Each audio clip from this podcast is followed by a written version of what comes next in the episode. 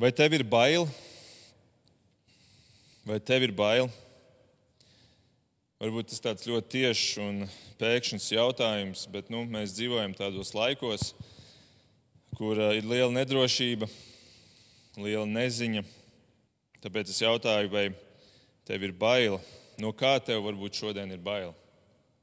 Par ko tu šodien baili, baidies? Un kā ir, vai kristētim vispār vajadzētu dzīvot ar bailēm? Vai Dievs pieļauj, ka kristietis baidās? Par bailēm es vēlos šodien runāt un kopā ar jums domāt. Un, lai to darītu, kā jau jūs redzat, mēs esam atgriezušies vēstulē romiešiem. Un, ir sācies jauns gads, tāpēc mēs arī gribam atgriezties pie mūsu svētdienas sērijas kurai nosaukums ir Dieva evaņģēlijas. Tātad Dieva versija evaņģēlijam. Un, um, mēs tātad ceļojam cauri šai, šai dziļajai un apbrīnojamai Pāvila vēstulē romiešiem. Mēs apstājāmies pagājušajā vasarā pie 8. nodaļas sākuma, un uh, tur mēs arī šodien vēlamies ielikt un atsākt mūsu ceļojumu. Un šodienas tēmas nosaukums ir dieva bērns un bailes. Tad, kad jūs skatāties kādu seriālu, Netflixā, piemēram, ja, tad um, parasti sākot jauno epizodi, uh, ir tāds atskats uz iepriekšējo, angļuiski to sauc par recap. Un, uh, tas palīdz kā, saprast, kur mēs šobrīd tieši esam tajā stāstā. Un tāpēc es arī vēlos to īsi izdarīt, par cik tā ir tāda pirmā reize, atkal, kad mēs uzsākam šo Tātad es atgādinu, ka vēstule romiešiem primāri ir rakstīta jūdiem, kuri dzīvoja Romā. Un tā vēstule sākās ar kritiku pret pagāniem, pret pagānu bezdievīgo, grēcīgo dzīvesveidu. Un, un Pāvils viņus tā diezgan asi kritizē, un tie jūdi noteikti lasot šo daļu, viņi noteikti māja ar galvu un teica, Mālēts, Pāvils, mēs tev pilnīgi piekrītam tie pagāni tiešām dzīvo tik bezdievīgu dzīvi. Bet tad pēkšņi ir pagrieziena punkts, un Pāvils burtiski pagriežās pret šiem pašiem jūdiem un saka, jā, draugi, bet eh, patiesība ir tā, ka jūs neesat labāki. Ir pat vēl sliktāk, ja pagāni atklāti dzīvo grēkā, jūs patiesībā to pašu darat tikai slepenībā, savas reliģiozitātes aizsargā. Jūs pildat bauslību, un tad domājat, ka nu, jūs esat uh, lielāko daļu izpildījuši, un tāpēc Dievs saka, ka viss ir forši, un uh, jūs esat uh, ticīgā Izraēla tauta, un, un tāpēc viss ir labi, un Dievs jūs pieņems, un tiesas dienā viss būs labi. Bet patiesība ir tā, ka bauslību neviens cilvēks nespēja izpildīt. Dieva likumus neviens cilvēks nav spējis izpildīt un nespēja izpildīt. Un tādēļ tā skarbā patiesība ir, ka visi cilvēki dodas pretī pazušanai. Jeb tas, ko Bībelē sauc par elli, mūžīgu atšķirību no Dieva. Un tā tas notiek un notiktu, ja vien neatrastos kāds, kurš tomēr izpilda šo bauslību pavisam simt procentiem kurš nodzīvo savu dzīvi šeit virs zemes bez neviena grēka, nepārkāpjot nevienu no dieva likumiem. Un tad Pāvils visā šajā vēstulē atklāja, ka ir tāds viens. Ir tāds viens. Un viņš ir jūsu un mūsu vienīgā cerība. Un viņš ir Jēzus Kristus, Dieva dēls, Dievs, kurš savu pilnīgo dzīvi un savu pilnīgo taisnību ir devis par tiem, kuri ir gatavi atzīt, ka viņi nespēja piepildīt dieva taisnību, jeb kuri nespēja izpildīt dieva likumus un nodzīvot bezgrēcīgu dzīvi. Tie, kuri nāk pazemībā un ar grēku nožēlu, tiem Kristus taisnība kā tāda balta sniega sega, ja mēs visi zinām to bildi no skata pa logu ārā, kā balta sniega sega apklāj visu to neskaisto netīro visus tos grēka dubļus. Un viss kļūst balts. Un tas ir, tā ir tā esence Dieva evaņģēliem. kā arī mēs saucam šo svētdienu sēriju. Tas ir tas Dieva evaņģēlijs, ka tu savā spēkā to nekad nespēsi izdarīt. Un tāpēc tev ir vajadzīgs kāds, kurš to ir izdarījis, un tas ir Jēzus Kristus. Un tad šajā visā vēstulē pienāk astotā nodaļa. Un astotā nodaļa sākas ar ļoti skaistu un tiešām apbrīnojamu teikumu. Pirmais pants. Tiem, kas Kristu Jēzū vairs nav pazudināšanas. Vairs nav pazudināšanas. Ja mēs tā mazliet apstājamies, varbūt nu, mēs esam viņu dzirdējuši, un mēs kā kristieši sakam, nu jā, nu, tā kā loģiski, vai ne? Un, un, jā, es, es parakstos zem šī teikuma, piekrītam, bet ja mēs tā padomājam, tas teikums parāda to, ka no tā brīža, kad tu esi Kristu Jēzu, ka Kristus Jēzus ir tevī, ka jūs esat uh, savienojušies, kad, kad uh, šī viņa taisnības sēga ir pārklājusi tavu dzīvi. Tev vairs nav pazudināšanas. Pārējiem ir pazudināšana. Tev iepriekš bija pazudināšana, tāpēc ir tas vārds vairs nav. Bet uh, no šī brīža tev vairs nav pazudināšanas. Un visas šīs domas tādā kontekstā atskan vārdi, kas būs visā astotajā nodaļā. Šis, šis pirmais pants ir tas pagrieziena pants, kur iepriekšējās nodaļas bija tādas visu laiku problēmas, problēmas, problēmas. Ka es, jā, varbūt esmu ticīgs, bet es joprojām dzīvoju un krītu grēkā, un, un es gribu darīt labu, bet es nespēju, mana miesa gūst virsroku atkal. Un, Un ir visas šīs problēmas, un tad pienāk šī astotā nodaļa, un šis pirmais un viņš saka, tiem, kas Kristu Jēzu, viss vairs nav pazudināšanas. Un tas mūs aizved līdz šodienas pantiem, kas ir 9. līdz 17. kur mēs arī lasījām tikko. Un tur Pāvils priekšplānā tagad izvirza Dieva trešo personu, Svēto garu. Viņš tā teikt pasaka, ka Nu, tagad skatuvi atbrīvojam, un tagad nāk slepenais aģents Dieva darbā, un tas ir Svētais Gars. Slepenais aģents, jo viņš visu laiku ir darbojies Jēzus dzīvē. Viņš ir, viņš ir patiesībā tas, kura dēļ Jēzus spēja izpildīt to bauslību. Viņš bija tas, kura spēkā Jēzus nodzīvoja bez grēka. Viņš bija tas, kura spēkā Jēzus augšām cēlās no mirušajiem. Un tad Pāvils saka, viņš to visu darīja Jēzus dzīvē, bet tagad viņš iemājo kur? Viņš iemājo mūsos. Šis svētais gars, kurš darīja visu to neticamo darbu Jēzus dzīvē, viņš tagad ir ienācis mūsos. Un ko tas nozīmē? Kas ir tās izrietošās sekas no tā? Ja mēs to tā atkal apstājamies un padomājam, mums jāsaka, wow, tas pats spēks, tas pats dieva trešās personas aģents tagad dzīvo mūsos. Ko nozīmē dzīvot dievam mūsos? Es domāju, viena no lietām ir tā, ka mēs varam skaidri pateikt, tas, ko viņš darīja Jēzus dzīvē, to viņš tagad dara mūsu dzīvēm. Un tad šeit ir minēti, 11. pantā ir teikts, ka viņa spēkā, svētā gara spēkā, mēs kādu dienu tiksim augšām celti. Tāpat kā Jēzu viņš augšām cēla.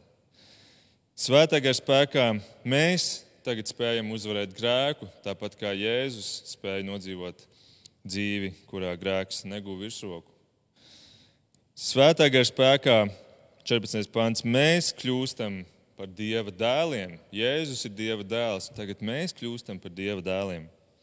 Svētā gara spēkā, 17. pants, mēs kļūsim par mantiniekiem.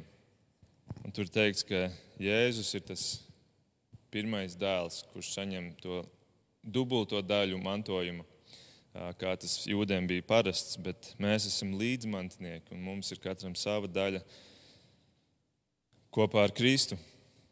Un tad visā šajā svētā gara ainā, kurā tagad viņš ir uzvests uz skatuves, ir vēl viena pazīme, kuri tiek izcelti šajā tekstā. Un proti, tas ir jaunais stāvoklis, kurā tātad mums vairs nav pazudināšanas, kurā svētais gars darbojas mūsos, un kur šis jaunais stāvoklis ietekmē arī mūsu bailes. Mūsu bailes. Un tā nu mēs esam atpakaļ pie bailēm. Ar šo arī es noslēdzu šo, šo atskatu, šo recapu. Un mēs esam atpakaļ pie bailēm. Tad Pāvils šeit saka, ka tas, ka svētais gars dzīvo tagad tevī, tam ir arī būtiska ietekme attiecībā uz tavām bailēm. Un tad mēs varam uzdot jautājumu, tad, ko Dievs domā par bailēm? Ko Dievs domā par bailēm kristiešos? Vai Dieva bērnam vajadzētu baidīties?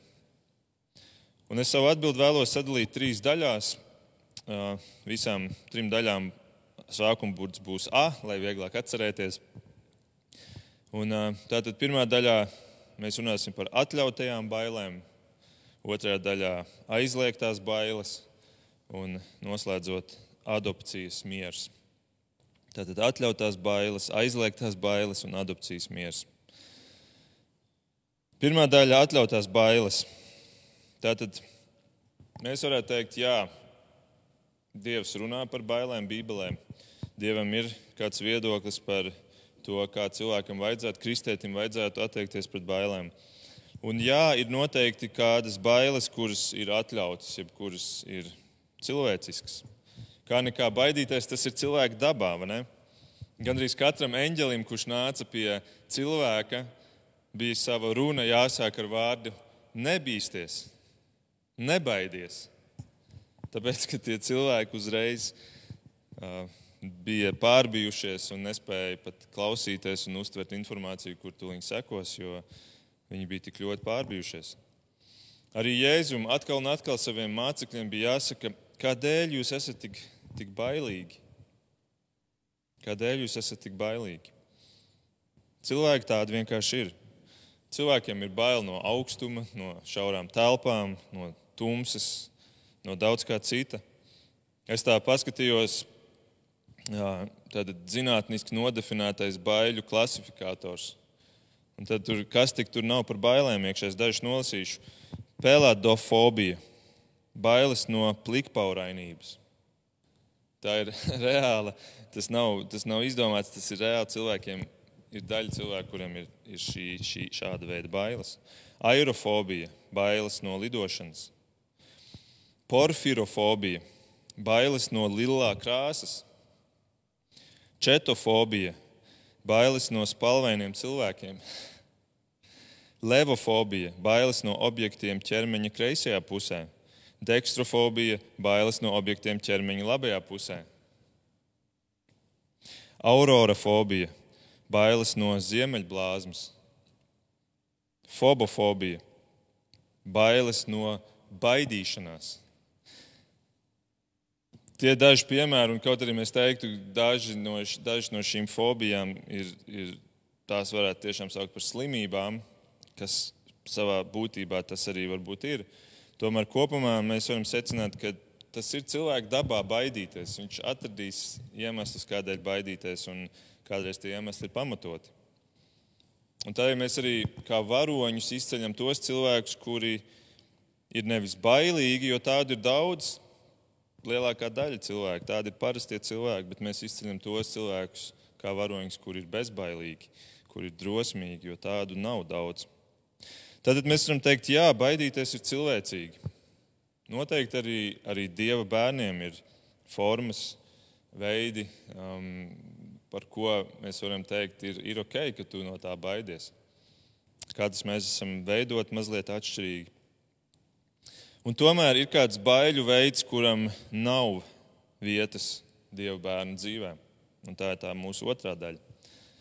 Es viņu nosaucu par aizliegtās bailes. Tas varbūt ir mazliet pārāk asins nosaukums, bet, eh, bet es viņu mēģināju atstāt tādā vispārinātā eh, formā. Ja? Bet eh, tā tad ir viens veids, kur, kurš arī šajā tekstā ir izcelts, kur ir runa par to, ka Ja tu esi Dieva bērns, tad šīs bailes vairs nav daļa no tavas dzīves, nevar būt daļa no tavas dzīves.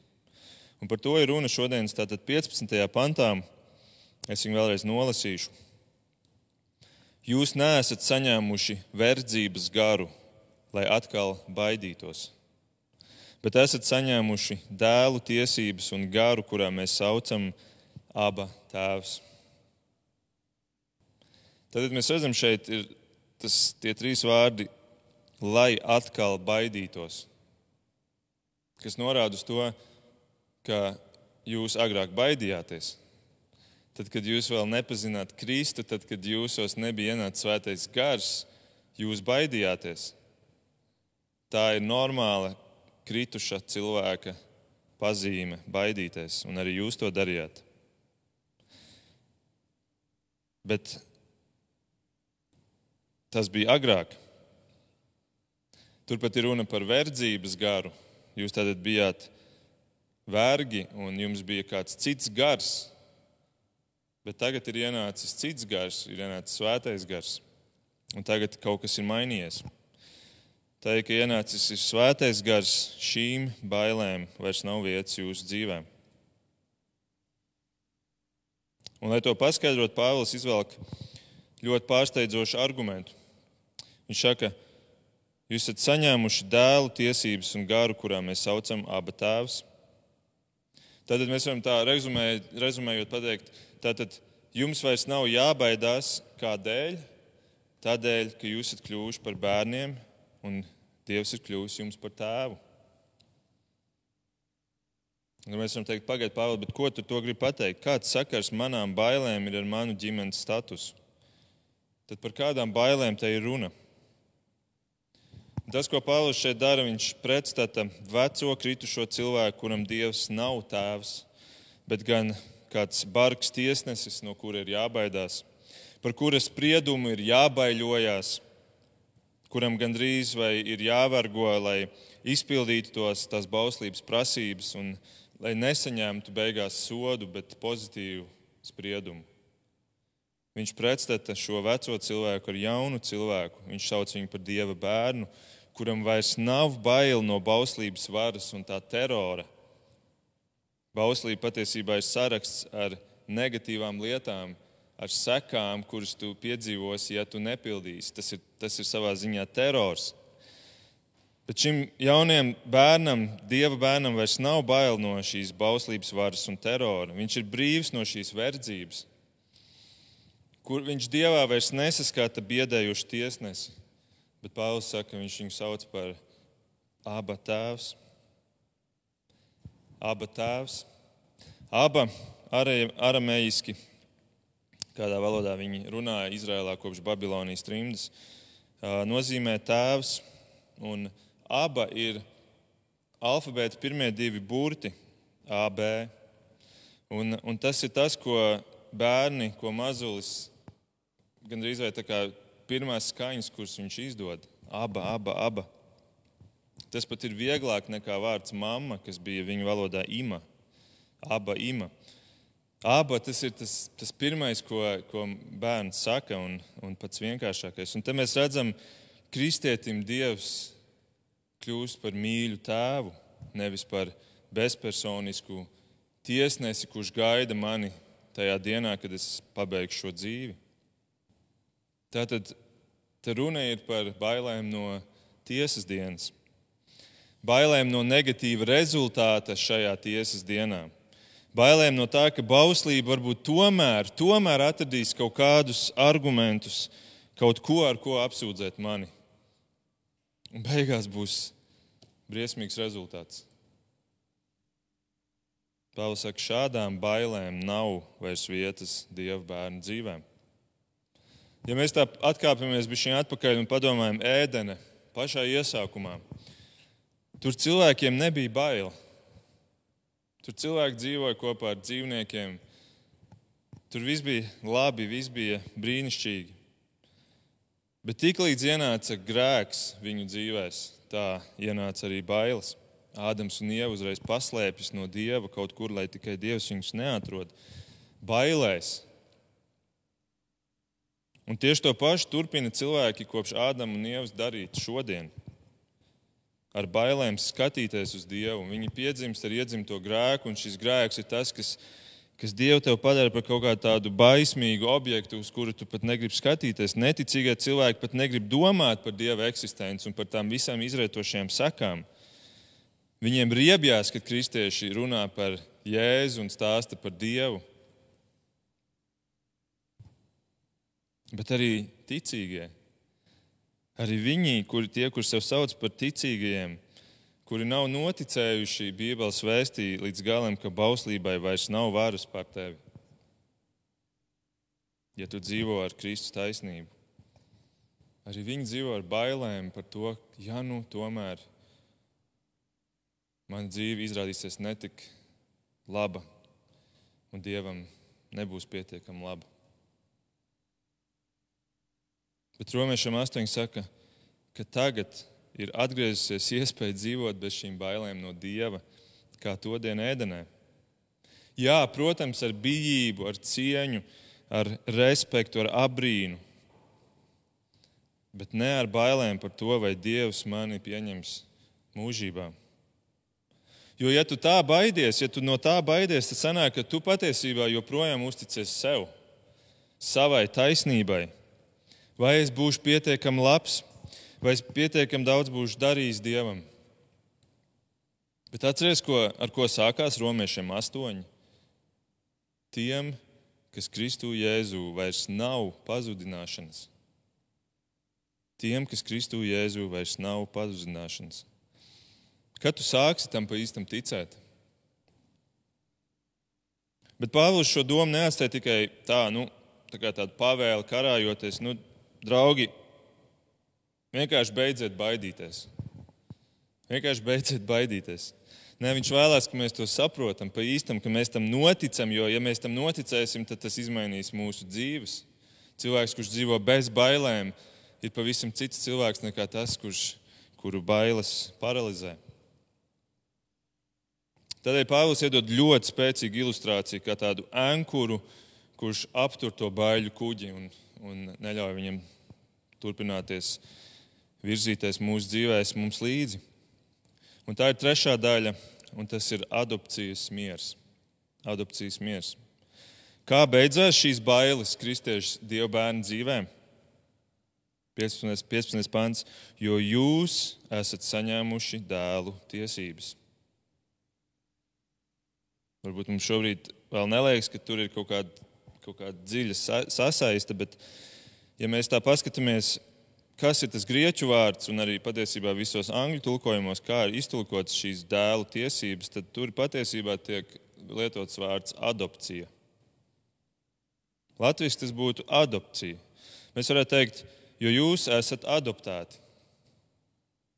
Ja mēs tā ierakstītu šajā 15. pantā, varbūt mazliet bilde būtu tāda skaidrāka. Bet tā doma ir, mēs esam adoptēti Dieva ģimenē. Nebaidies, kādēļ? Tādēļ, ka tu esi adoptēts Dieva ģimenē. Vai tu esi kādreiz padomājis par to, ko nozīmē adopcija, kā darbojas adopcija? Paklausieties, kā adopcija notika laikā, kad Pāvils raksta šo pirmajā gadsimtā. Pirmajā gadsimtā tikt adoptētam bija liels gods. Ja, tu, ja, tev, ja tev kāds eh, par tevi pateica, ka šis cilvēks, šis bērns ir adoptēts šajā ģimenē, tas bija liels gods. Šodien mm, varbūt mums tas skan mazliet citādāk. Diemžēl, bet tā nevajadzētu būt. Bet to dienu tas bija liels gods. Būt adoptētam bija liels gods. Adoptētie bērni bija pat augstāk godāti nekā bioloģiskie bērni. Kādēļ? Tādēļ, ka tu tiki izvēlēts. Tu tiki izredzēts. Nevis vienkārši piedzimi tur, kur nu, piedzimi. Vienkārši ieradies šeit. Bet tu biji speciāli izvēlēts.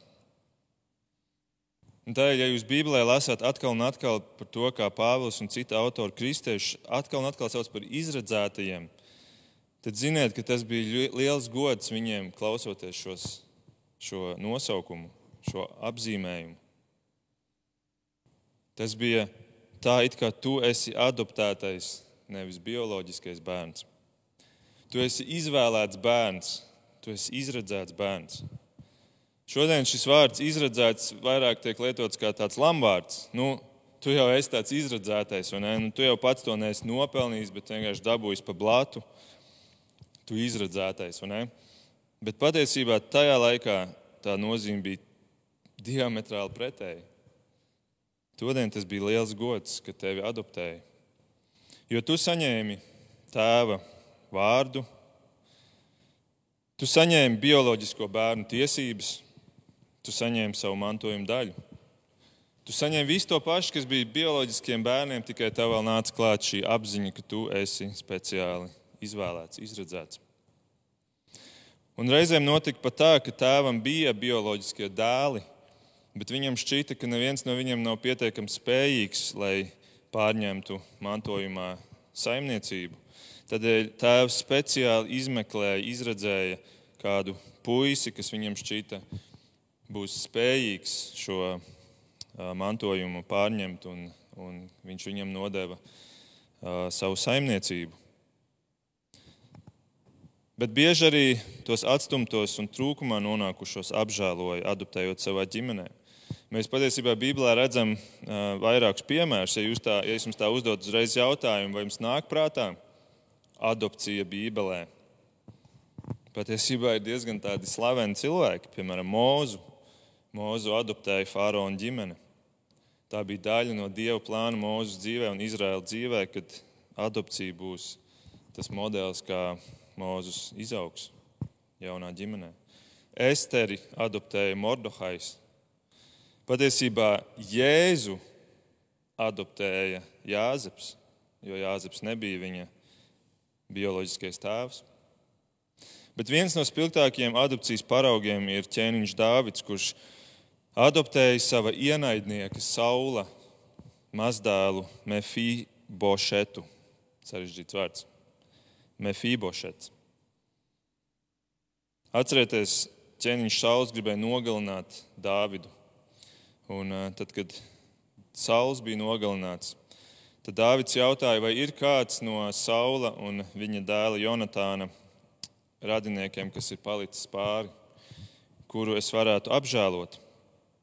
Un šis Mefībošets bija klips uz abām kājām. Viņš šīs invaliditātes dēļ bija pilnīgi iztumts no sabiedrības. Bet Dāvids gāja viņu meklēt. Viņš uzzināja, ka ir šāds viens, viņš gāja viņu meklēt. Viņš viņu pieņēma savā ģimenē, viņš piešķīra viņam sava tēva saula mantojumu. Visu, kas bija saulam, to viņš deva šim puisim. Un viņš teica viņam, ka turpmāk tu ēdīsi pie mana galda. Visas ēdienreizes tu nāksi un ēdīsi pie manis, pie manis ķēniņa, un tu būsi mans dēls, tu būsi pilntiesīgs dēls. Un tas bija kaut kas pilnīgi neredzēts ķēniņam. Tā kaut kāds klips cilvēks, viņš visu laiku ir viņa ķēniņa kompānijā, sēž pie viena galda, ēd kopā, tiek pieņemts ģimenē, saņem ķēniņa vārdu, saņem vēl mantojumu. Un tas viss absurdākais, ka tas ir vēl pie tam cilvēks, kurš ir no ienaidnieka saula, kurš ir gribējis šim ķēniņam atņemt dzīvību. No šīs saula ģimenes viņš nāk. Bet redziet, tāda ir žēlastība. Tāda ir žēlastība. Viņi darbojas tieši pretējā virzienā tam naidam,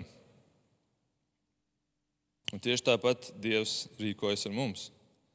Viņš meklē mūs, viņš izradz mūs, viņš apžēlo mūs, viņš aicina mūs un adoptē mūs savā ģimenē. Viņš pieņem mūs savā mājā, viņš sēdina pie sava galda katrā ēdienreizē. Viņš dod mums savu vārdu, viņš dod mums savas tiesības, viņš dod tādas tiesības, kādas ir viņa dēla Jēzuma tiesības. Un viņš dala savu mantojumu kopā ar Jēzu arī mums kas sākās ar šo dieva izvēli, izredzēšanu, tas beidzās ar dēla tiesībām. Un tāpēc Efeziešiem 1,5 ir teikts, pēc savas gribas, labprātības viņš jau iepriekš ir lēmis mūs pieņemt par saviem dēliem caur Jēzu Kristu.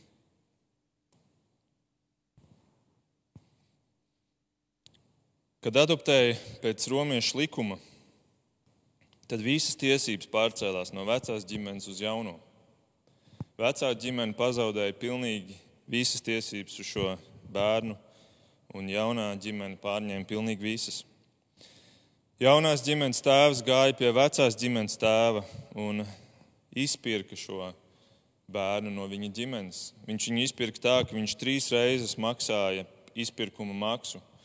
Pirmās divas reizes šis vecās ģimenes tēvs viņu atpirka atpakaļ. Tas bija kā tāds simbolisks pirkums, kad jaunais tēvs nopērk, vecais atpērk atpakaļ, jaunais nopērk otro reizi, vecais atpērk atpakaļ, un tad trešo reizi viņš nopirka uz visiem laikiem. Un pēc tam notika vindikācija. Viss, kas bija no vecās ģimenes, tika pilnībā izdzēsts. Visi parādi, visi pārkāpumu ieraksti, visi kriminalitātes ieraksti, kas bija, viss tika pilnībā izdzēsts. Kā balta lapa, it kā tu vispār nemaz nebūtu eksistējis. Un tavā dzīvē sākās pilnīgi jauna lapuse, tīra, balta. It kā tu būtu piedzimis no jauna, sācis jaunu dzīvi. Un tieši tāpat tu un es mēs tiekam adoptēti Dieva ģimenē. No tavas vecās ģimenes, kurā tavs vecais tēvs bija velns, tā kā Jēzus saka farizējiem, jūs esat no sava tēva velna. Patiesībā ne tikai farizēji bija no šī tēva vēlna. Kristus ir izpircis mūs visus no šī tēva vēlna. No šī tu esi izpirkts, un nu tu esi pilntiesīgs Dieva tēva bērns. Un ir vēl viens aspekts pēdējais, ko es vēlos minēt šajā adopcijas tēmā. Es lasīju, ka mūsdienās, tīpaši ASV, kristieši mēdz teikt, nu, labāk neadoptējiet bērnus no neticīgu cilvēku ģimenes. Labāk neadoptējiet bērnus no neticīgu vecāku ģimenes. Kādēļ? Jo varbūt viņi nes savu vecāku grēku sev līdzi. Tā teikt, viņi varētu būt nolādēti, jo, jo redz, Bībelē taču ir teikts 5. mūžas 5, ka Dievs saka, es esmu greizsirdīgs Dievs un kas piemeklē, kas piemeklē tēvu vainas pie bērniem līdz trešajam un ceturtajam augumam. Varbūt šie bērni ir nolādēti, jo redz, viņiem vecāki ir bijuši neticīgi un, un, un šis grēks nāk līdzi viņiem. Un es domāju, tā tas varētu būt pat adoptētiem bērniem, kā tāds iemesls vilkt bailes sev līdzi dzīvē. Domājot, nu kas ir bijuši mani vecāki? Varbūt es esmu nolādēts viņu grēku dēļ, un tad uz katra soļa ir bailes un nedrošība. Bet patiesība ir tā, ka šāda interpretācija par tām trīs, četrām paudzēm ir pilnīgs muļķības. Tur ir runa par tēvu grēkiem, daudzskaitlīgi, kas nozīmē ļaunie darbi, kurus viņi ir darījuši un kas ir, kas ir atnesuši lāstu, kurš ietekmēs trīs līdz četras paudzes pēc viņiem. Tāpat kā šodien, tie, kuri iesai mūsu sabiedrībā, iedzen saknes Tas pats, kas šodien notiek ar, ar, ar dzimumu jautājumiem. Tu iedzens sāknes, kuras pēc tam nesīs mūsu sabiedrībā sekas, trīs, četras paudzes. Tie ir tie grēki, tie ir tie ļaunie darbi, kuri pēc tam turpināsies visu cilvēku dzīvēs. Dēlu, mazdēlu. Tas nav viens grēks, kurš tagad tev ir jānes līdzi, tāpēc ka tavs tēvs ir, ir kaut ko ļaunu izdarījis. Mēs ievadā lasījām Ecehiela 18. nodaļu, kur Dievs nepārprotami skaidri pasaka, ka cilvēks nesīs atbildību tikai un vienīgi par sevi, tikai un vienīgi par saviem grēkiem. Tavs tēvs nemaksās par taviem grēkiem, tāpat kā tu nemaksāsi par tavu tēvu grēkiem. Un ja tu dzīvo ar tādu apziņu, varbūt ar tādām bailēm, ka ka varbūt tas, kas ir noticis manā dzīvē, manā ģimenē, varbūt tas ir kaut kāds šķērslis manām attiecībām ar Dievu, šķērslis pilnīgai brīvībai, brīvībai no bailēm, tad pārlasi šo 18. nodaļu. Izlasi viņu vairākas reizes un, un skaties, kā Dievs skaidri to pasaka. Jo ir notikusi vindikācija, ja tu esi pieņemts Kristus ģimenē. Tu esi brīvs, tu atbildi tikai par saviem grēkiem. Nebaidies par pagātni, tu esi adoptēts jaunā ģimenē, un tas viss ir Kristus dēļ. Redziet, cik spēcīga ir adopcijas ilustrācija, kur Pāvils šeit izvelk. Tā atklāja, ka tu nemaz pats nespētu nokļūt šajā dieva ģimenē. Tā ir tā esence šajā visā. Tu vari staigāt gar to dieva mājas fasādi un skatīties pa logu iekšā un varbūt pat pieiet pie durvīm. Bet tu nekad nebūsi savējais, kamēr tevi neielaidīs mājā iekšā. Tu pats ar savu taisnību vari pietuvoties Dieva mājai, bet tu nekad netiksi iekšā, kamēr tevi neielaidīs, kamēr tevi nepieņems šajā ģimenē. Tas nav sasniedzams ar tavu nopelnu. To var izdarīt tikai Dievs, izvēloties tevi. Bet labā ziņa ir tā, ka katrs, kurš patiesā grēka nožēlā atsaucās Kristus aicinājumam un tic, ka Viņš ir Dieva dēls, un tic, ka viņš ir nodzīvojis bez grēka, un tic, ka viņš savu taisnību dod, piedāvā tev. Un tas, kurš ņem šo Kristus taisnību un apklāj sevi un ietērp sevi tajā, un atdod savu dzīvi, savu jauno dzīvi Kristus vadībai, tas ar to atklāja, ka viņš ir starp šiem dievu izredzētajiem. Viņš ir šajā ģimenē pieņemts. Kaut arī tā bija dieva izvēle, Tomēr arī tava izvēle ir tā, kas to apstiprina. Pirmā Jāņa teikts, mēs viņu mīlam, bet viņš mūs pirmais ir mīlējis. Mēs viņu mīlam tāpēc, ka viņš mūs mīlējis. Ir. Un Jēzus saka, es jūs neatstāšu bāriņus. Un tas ir tas, ko Kristus dara. Un tad, kad cilvēks ir pieņemts Dieva ģimenē, tad šīm bailēm vairs nav vietas. Jo viņš sāk dzīvot ar šo tēvu, šo abu tēvu. Viņš iepazīst savu tēvu, un viņam vairs nav jāuztraucās, ka kādu dienu šis tēvs sēžot tronī, tiesājot tautas, ka varētu viņam pagriezt muguru. Jo viņš jau ir šajā dieva ģimenē, un šī dieva ģimene ir tā, kura dzīvos mūžībā kopā debesīs. Un to visu dara Jēzus Kristus taisnība, kur apklāj šos cilvēkus. Un svētais gars, kurš dzīvo mūsos un apliecina un apstiprina to. Un neviens grēks vairs nevar Kristu notiesāt. Kristus taisnība ir taisna uz visiem mūžiem. Neviens grēks to vairs nevar izmainīt. Tu esi Dieva ģimenē, un tur vairs bailēm nav vietas. Šajā Dieva mājā vairs bailes Nevar būt. Man ir četri dēli, un mazākie mazliet baidās no tumsas, kā jau tas varbūt ir ierasts. Un, un tā, un tad, kad mēs esam mājās un vakarā varbūt ejam gulēt, tad uh, kādreiz viņi saka, nu, man bail, es negribu gulēt viens pats šeit. Vai... Un tad es viņiem saku, bet mūsu mājā nevar baidīties. Tā ir mūsu māja. Te dzīvojam tikai mēs, ģimene. Tad neviens svešais nekad nav ienācis. Te ir blakus tavi brāļi, te esam mēs. Svešās mājās, kā viesu namos, jā, tur, tev, tur tu vari pabaidīties, bet mūsu mājā, mūsu mājā nē, jo mēs esam ģimene. Un tāpat ir ar Kristus māju, kurā mēs dzīvojam, kurā mēs esam adoptēti. Noslēdzot, es vēlos te uzdot jautājumu, kāda tev ir sajūta par to tavu tikšanos ar Dievu pirmajā dienā pēc dzīves beigām? Kāda tev ir sajūta par to domu, ka tu stājies viņa priekšā? Vai tur ir bailes, vai tur ir neziņa? Ja tur ir neziņa, tad tu joprojām par daudz uzticies pats sev. Bet skaties uz Kristu. Vai pirmais, ko iedomājies, ka tu iztēlojies to brīdi, kad tu stāvēsi Dievu priekšā, ir, kad tu saki viņam, aba tēvs?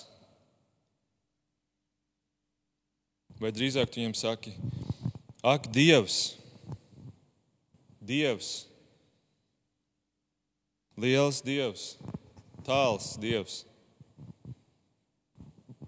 Zini, kad Jēzus uzrunāja Dievu lūgšanās, viņš vienmēr viņu sauc par tēvu. Visās reizēs, kas ir piefiksēts, viņš vienmēr viņu sauc par tēvu, nekad par dievu, izņemot to vienu reizi, kad viņš karājas pie krusta un sauc: Mans dievs, mans dievs, kādēļ tu man esi atstājis? Atstātie ārpusē dievu redz tikai kā dievu un paliek ar savām bailēm par viņu. Bet adoptētajiem bērniem viņš tagad ir aba tēvs, mīļais tēvs, pazīstamais tēvs, tēvs, kurš mani ir savā žēlastībā izvēlējies adoptēt savā ģimenē. Un tur baiļu vairs nav. Lūksim Dievu. Mīļais Tēvs, paldies, ka mēs varam lasīt šo liecību, kuru Svētais Gars ir mums devis. Un paldies, ka Svētais Gars ir tas, kurš mums arī to māca un izskaidro. Un paldies, Kungs, ka mēs varam atskatīties uz to, kā Tu esi mūsu ņēmis, izvēlējies, aicinājis savā ģimenē. Paldies, ka tu mums esi devis spēku pateikt jā, spēku atzīt savus grēkus un, un lūgt atdošanu par to savu maldīšanos, par savu lepnumu. Un paldies, Kungs, ka tu izrādies, esi mūsu mīļais tēvs, kurš, kurš nāk pie mums mīlestībā, kurš savu dēlu ir sūtījis mums mīlestībā un ka tev, Kristus, taisnotajiem ir tikai labas domas, labi plāni nākotnē. Un es lūdzu, ka šīs, šīs domas, šī atziņa arī par, par šīm bailēm, kurām nav vairs vietas mūsu dzīvē, ka tas atraisītu mūsos vēlmi un spēku un gribēšanu iet un kalpot tev un nest šo tavu vārdu arī tālāk citiem. Paldies, debes Tēvs, paldies par Tavu sargājošo roku pār mums. Un mēs vēlamies iet pazemīgi, bet pateicībā Tev par visu un nes Tev godu un dzīvot tā, ka mēs varam svētīt citus cilvēkus. Lūdzu, palīdzi mums uz to. To lūdzam Jēzus vārdā.